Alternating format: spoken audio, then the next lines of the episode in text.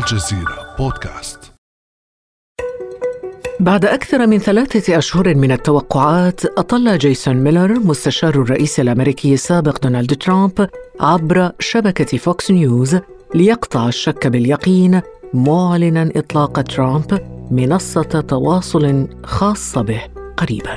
ودون الإفصاح عن المزيد اكتفى ميلر الذي بدا مبتسما واثقا من نفسه اكتفى بالقول إن المنصة الجديدة ستعيد تعريف اللعبة بالكامل I do think that we're going to see President Trump returning. أعتقد أننا سنشهد عودة الرئيس ترامب إلى ال social media بمنصة جديدة خاصة به. ستكون الأكثر شعبية بين وسائل التواصل الاجتماعي وستعيد تعريف اللعبة بالكامل. لعبة فرض على ترامب أن يكون خارجها بعد حظر حساباته في عدد من منصات التواصل الاجتماعي وفي مقدمتها تويتر الذي شهد مسيرة تغريد حافلة للرئيس الأمريكي السابق دونالد ترامب استمرت اثنتي عشرة سنة بأكثر من 88 مليون متابع. أما الحظر فقد أحدث انقساما رقميا غير مسبوق. وتسبب في هجرة المستخدمين إلى منصات بديلة كما أعاد الجدل حول تنامي نفوذ منصات التواصل الاجتماعي وتناقض أدوارها. فهل تحولت هذه المنصات إلى سلطة حقيقية؟ وما دوافع الانقسام الرقمي وتداعياته؟ وأي مستقبل لمنصات التواصل البديلة في ظل هيمنة عمالقة التكنولوجيا على الفضاء الرقمي؟ بعد أمس من الجزيرة بودكاست أنا خديجة بن جنة.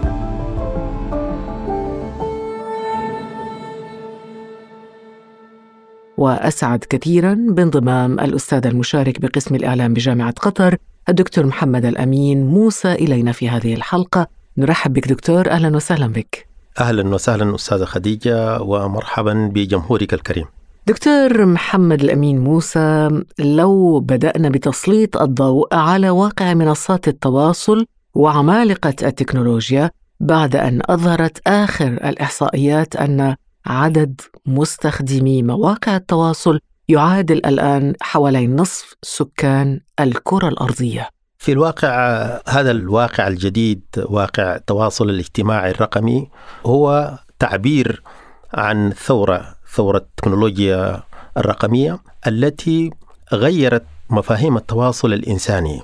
فنحن الآن نتواصل بكثافة أكثر كثيرا مما كان يحدث في الحياة البشرية يعني على عبر التاريخ. فنتحدث عن شبكات استطاعت أن تربط أكثر من نصف سكان العالم لكي يتواصلوا فيما بينهم. وهذه الشركات أصبحت شركات عملاقة فاقت كل الشركات التي كانت تهيمن على المال في العالم بمعنى أنه الشركات الكبرى كانت شركات النفط شركات الصناعات الكبرى. فهذه الشركات التي تعمل في مجال التواصل الاجتماعي والتكنولوجيات الرقمية أصبحت شركات عملاقة جدا وأصبحنا في عصر التواصل الاجتماعي. نرى شخص يكون هو شاب في مقتبل العمر في عشرينات من عمره مثل مارك زوكربيرغ ويصبح ملياردير يعني ملتي ملياردير فهذه ظاهرة جديدة. نتحدث عن أكثر من نصف سكان العالم يتواصلون فيما بينهم وهؤلاء ربما نقول هم تقريبا سكان العالم لأنه ما تبقى ربما يكونوا أطفال ولا كبار في السن وكذا. فاذا نحن أمام ظاهرة جديدة وهذه الظاهرة أصبحت تهيمن على التواصل الإنساني وليس فقط التواصل الاجتماعي هي بدأت كتواصل اجتماعي وتحولت إلى تواصل مهني تواصل سياسي تواصل تعليمي. فكافة أشكال التواصل الإنساني الآن أصبحت تمر عبر هذه الشبكات. لذلك هذه الشبكات أصبح لها نفوذ كبير جدا وهذا النفوذ ليس فقط النفوذ بمفهومه التقليدي النفوذ السياسي أو النفوذ الاقتصادي هي تجمع كافة أشكال النفوذ ولكن بطريقة ذكية جدا. نعم هذه الشركات أصبحت ذات نفوذ قوي جدا كما ذكرت دكتور محمد لمين وهنا نتحدث طبعا عن شركات عملاقة معروفة ابل، امازون، مايكروسوفت، جوجل، نعم. فيسبوك وشركات أخرى وهناك شركات ما زالت ناشئة ويعني تشق طريقها في عالم الشركات الرقمية لكن دكتور محمد لمين ما هي مخاطر تضخم نفوذ هذه الشركات العملاقة وقوتها المتنامية؟ المخاطر تكمن في أن هذه الشركات أتت عبر إبداع وهذا الإبداع غير مفاهيم القوى اللي كانت سائدة في السابق. يعني القوى في عالمنا كان يرتبط بالقوة السلاح قوة سياسية قوة الاقتصاد. بينما هذه الشركات آه، تهيمن من خلال قوة الإبداع. يعني شركات نشأت من خلال مبدعين وهؤلاء المبدعون استطاعوا أن يجذبوا إليهم مختلف شرائح المجتمع. يعني مثلا شركة أبل استطاعت أن تقدم للإنسانية ما يمكن أن يغير كثير من مظاهر الحياة. وهذا من خلال إبداع شخص ولا شخصين. فأنا أتحدث من هذا المنطلق. كذلك هذه الشركات أصبحت تهيمن من خلال تحكمها في مظاهر الحياة. يعني اتضح من خلال شبكات التواصل الاجتماعي أن حياة الإنسان هي كلها تواصل. يعني أي شيء يحدث في الواقع فهو نتاج لعملية تواصلية إنسانية. فإذا استطعت أن تتحكم أو تجعل الناس يتواصلوا عبرك ويستخدموا أدواتك ثم انتقلت إلى مرحلة استخدام الذكاء الاصطناعي فأنت تستطيع أن تهيمن بطريقة أكبر وأقوى كثيرا من الهيمنة التقليدية التي كانت تقوم بانتشار السلاح أو امتلاك السلاح المدمر وكذا. ما عاد هناك حاجة لأنه حتى أبجديات أو أساسيات الحياة الآن أصبح يتم التحكم فيها من خلال التكنولوجيا الرقمية. فإذا نحن أمام نفوذ هذا النفوذ غير مسبوق وسبب إشكاليات لكبرى الدول. يعني النفوذ يجعل أن الشركة تستطيع أن تحرم رئيس دولة مثلا من التواصل مع جمهوره. كما حدث مع ترامب. بالضبط. أو يجعل دولة مثل الصين تنتبه إلى أنها إذا تركت شبكات التواصل الاجتماعي وهذه الشركات تهيمن دون أن تتدخل هي فسوف يصبح النظام آه، في خطر. هذه المخاوف دكتور محمد لمين بالضبط هي نفسها التي عبر عنها تقرير لموقع اخباري فرنسي مشهور اسمه ميديا بارت يقول إنه المسؤولين في دول كثيرة سواء في أمريكا أو في أوروبا أو خصوصا في الصين قال لأنهم يعتبرون إنه رؤساء هذه الشركات يتمتعون بنفوذ واسع وهذا النفوذ يمثل قوة اقتصادية تهدد بالتحول إلى قوة سياسية فيما بعد لا يمكن السيطرة عليها.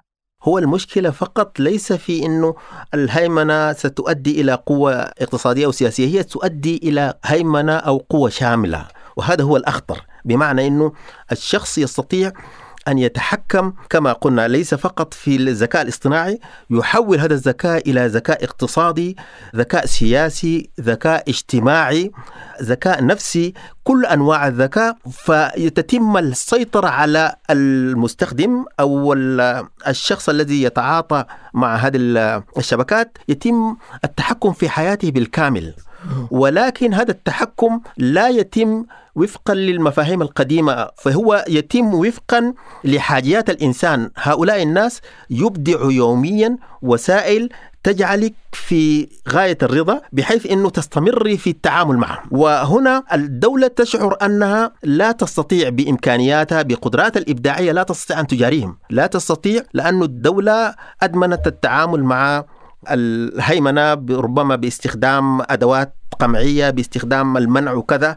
هنا الهيمنة نتاج للإبداع الزائد والتواؤم مع حاجيات الإنسان وتلبيتها أكثر. نعم دكتور عندما تقول أن الدولة أو النظام في أي دولة تعود على استخدام الأدوات التقليدية هل هذا يعني أنه شركات التواصل الاجتماعي الآن طبعا تحتاج إلى أدوات أخرى غير تقليدية نعم. هل معنى هذا أنها خرجت عن السيطرة وأصبحت سلطة قائمة بذاتها خارج سلطة الدولة؟ أنا أعتقد ذلك ولكن كما قلت الموضوع هو أكثر تعقيدا يعني لو كان الأمر سلطة خارجة عن الدولة، الدولة لديها الأدوات حتى هي تستطيع أن تستخدم القوة لإعادة الناس إلى يعني تحت جناحيها، لكن هؤلاء الناس كما قلت ناس مبدعون، والإبداع يتجاوز قدرات الدول، يعني الدول لا تستطيع أن تبدع وتواكب الإبداع بنفس الكيفية التي جاء إليها هذه الشركات. لماذا؟ لأنهم يوظفوا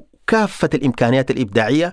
يعني الآن عندما تتحدث عن شبكات التواصل الاجتماعي فهي تأخذ بعين اعتبار النخبة العالم كيف ترضيهم؟ تأخذ بعين اعتبار آه، ما يتعلق بحقوق الإنسان بما يتعلق بالقيم الإنسانية لأنه هي تريد أن توسع إطارها. يعني مثلا الفيسبوك هو الآن فيه أكثر من 2.6 مليار مشترك وهو لا يريد أن يتوقف هنا فهو لن يتوقف إلى أن يصبح كافة سكان العالم مشتركين فإذا هو يطور دائما من الوسائل وعندما يحتك مع الدولة يكون حريص على أنه يكون في الجانب الصحيح. أمام حالة التضخم الكبرى لهذه الشركات دكتور محمد، ما هي الإجراءات التي اتخذت لوقف يعني هذا التضخم الهائل للشركات التكنولوجية العملاقة؟ طبعا الدول لديها في قوانينها ما يسمح بإيقاف كما قلت أي نوع من التهديد إلى تهديد للسياسات الكبرى، لذلك من بين الإجراءات التي اتبعت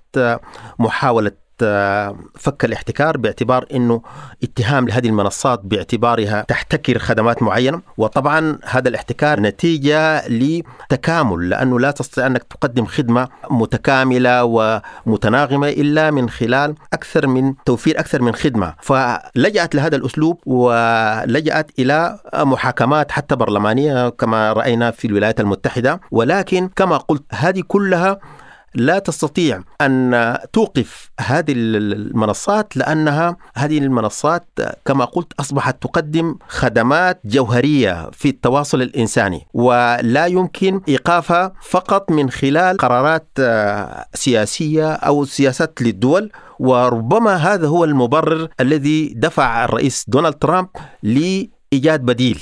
فإذا كان بإمكانه أن يوقف هذه الشبكات آه، التواصل الاجتماعي أو يوقف هذه المنصات لكان أوقفها من ناحية قانونية. ولكن لو أخذنا المثال الصيني مثلا الصين فهي تلجأ لأنه قوانينها أو نظامها يسمح لها بأن تتحكم فهي تتفاوض مع هذه الشركات وتهجنها بحيث أنه يكون لديها خدمات خاصة بالصين. وهذه التجربة ربما نجحت مع الصين باعتبار أنها هي تفاوض باعتبار وجود أكبر قاعدة ممكن نقول للمستخدمين في دولة واحدة لأن نحن نتحدث عن أكثر من مليار ونصف من السكان.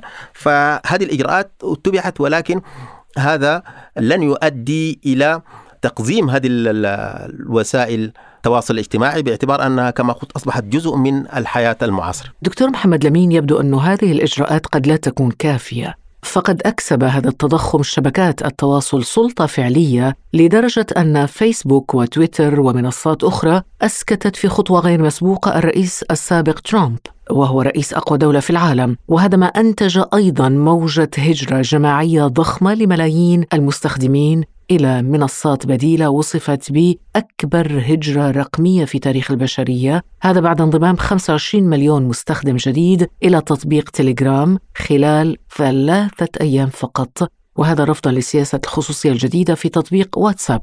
اذا لماذا يتجه برأيك دكتور محمد المستخدمون إلى المنصات البديلة؟ كما قلت هذه الشبكات استطاعت أن تتيح لكافة سكان العالم إمكانية التواصل. عبرها. وعندما نقول كافة سكان العالم فنحن نأخذ جميع فئات المجتمع بما فيه الصالح والطالح بما فيه الإنسان الموضوعي الشخص الذي يبحث عن سلوك غير طبيعي الشخص العقلاني غير العقلاني. فهنا نتوقع أن ما تقوم به شبكات التواصل الاجتماعي حتى تحافظ على سمعتها أو تحافظ على تفوقها فهي مضطرة أن تعادي بعض سكان العالم هؤلاء المنتمين إليها.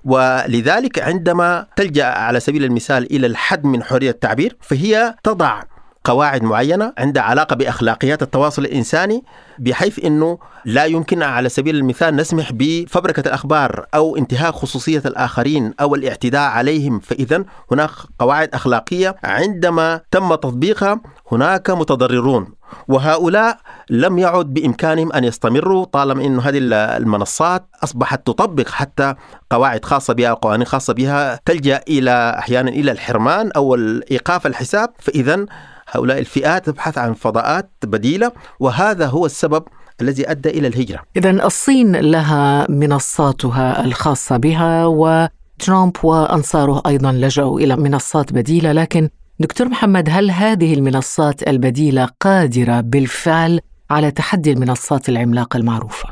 هي تستطيع من ناحية نظرية لأنه نحن نتحدث عن قدرات إبداعية، فالقدرات الإنسانية في الإبداع غير محدودة، مثلما لم تكن يوم من أيام هذه المنصات موجودة وبدأت بدايات متواضعة جدا وأصبحت مهيمنة فهناك الإمكانية نظرية لكن على المستوى العملي إذا تعمقنا في هذه المنصات وهذه الشركات نجد أنها تبذل مجهود كبير جدا على مستوى الاستثمار على مستوى ابتكار الأشياء الجديدة. فيصعب على أي جهة جديدة إلا أن تأتي بما ليس مألوفا.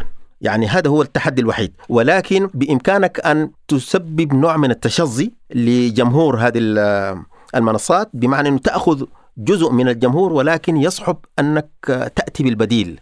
كما قلت لأنه هذه المنصات هي ليس فقط تعمل على مستوى التكنولوجيا والإتيان بالتقنيات الجديدة وإنما هي كذلك يعني تعقد شراكات مع المجتمع، يعني الآن محتوى التواصل الاجتماعي أصبح جزء من الإعلام التقليدي، يعني هناك نشرات خاصة بما يحدث في وسائل التواصل الاجتماعي، هذه القنوات أصبحت من خلالها يتواصل نخبة العالم يعني المبدعون على مستوى الفن على مستوى الرياضة. فهؤلاء كلهم سيدافعوا عن هذه القنوات. فأنت عندما تأتي وتكون حججك نفسها غير مقنعة مثل ما يحدث مع شعبية مثلا ترامب فترامب استغل هذا النوع من التواصل الاجتماعي استغله في الدعاية. يعني كأنه عاد بنا إلى أيام الحرب العالمية الأولى والثانية أيام الدعاية. فلذلك نلاحظ أنه لا ينتج محتوى إلا محتوى التغريد.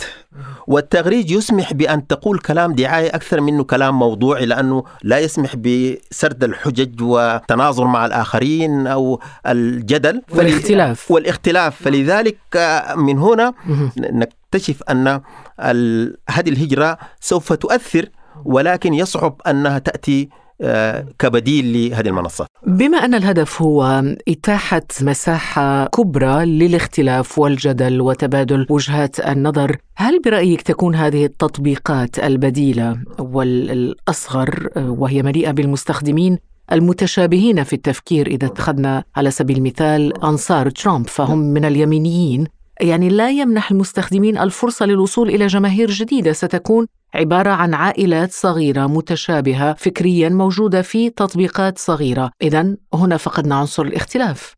لا هو لاحظي هؤلاء مختلفون ولكن توقع أنهم لديهم القدرة كذلك على كسب جماهير جديدة. انطلاقا من طبيعة الإنسان الإنسان أحيانا من باب الفضول ينتمي إلى منصات أو يتواصل مع الآخرين لكي يعرف فقط ما الذي يدور أو من قبيل التسلية. يعني ربما نتذكر نحن في قبل أكثر من عشر سنوات كيف كان الجمهور العربي يستمتع بالخطابات التي يلقيها معمر القذافي. فهو أحيانا يلقي خطاب لمدة أربع ساعات وكذا. فبنفس القدر هناك من سينتمي إلى منصة صاحبة ترامب حتى يستمتع بالطريقة التي يغرد بها ترامب. يعني من باب الفضول فنتوقع إنه لن يقتصر الأمر فقط على الجمهور بامكانها أن تنجح. يعني أنت تعتقد أن منصة ترامب المرتقبة ستكون ناجحة وستجذب الكثير من المتابعين أتوقع لكنها لن تصبح بديلا. لن تصبح بديلا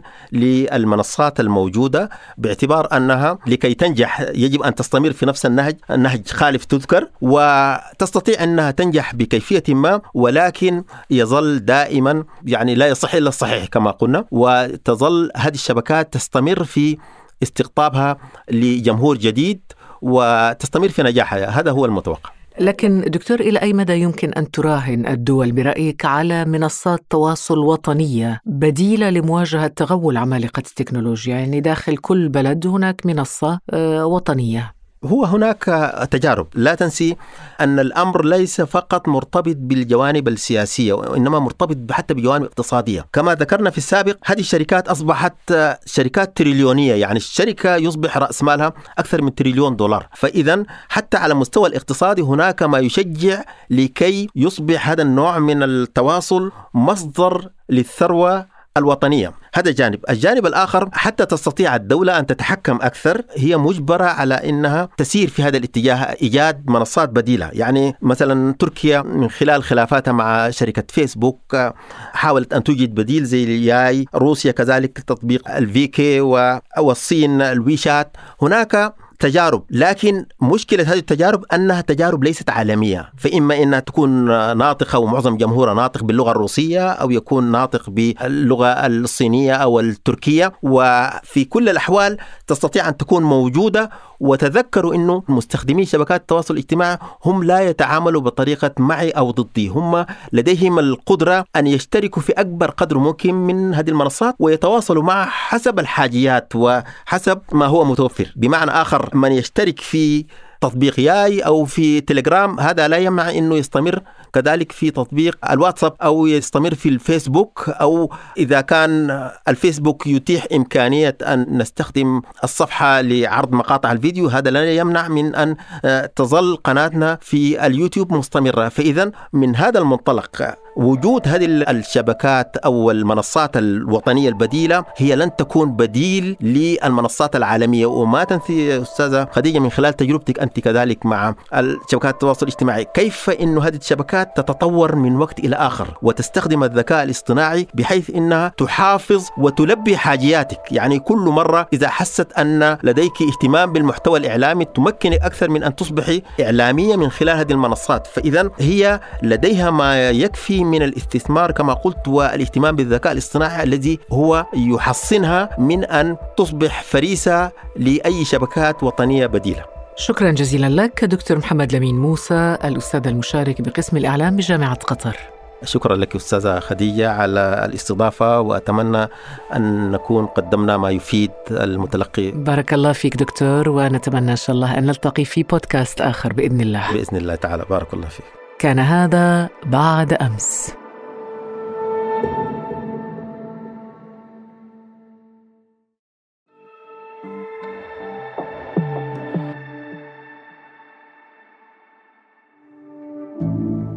ابقى على تواصل مستمر مع الجزيرة بودكاست ولا تنسى تفعيل زر الاشتراك الموجود في تطبيقك لتصلك الحلقات يومياً.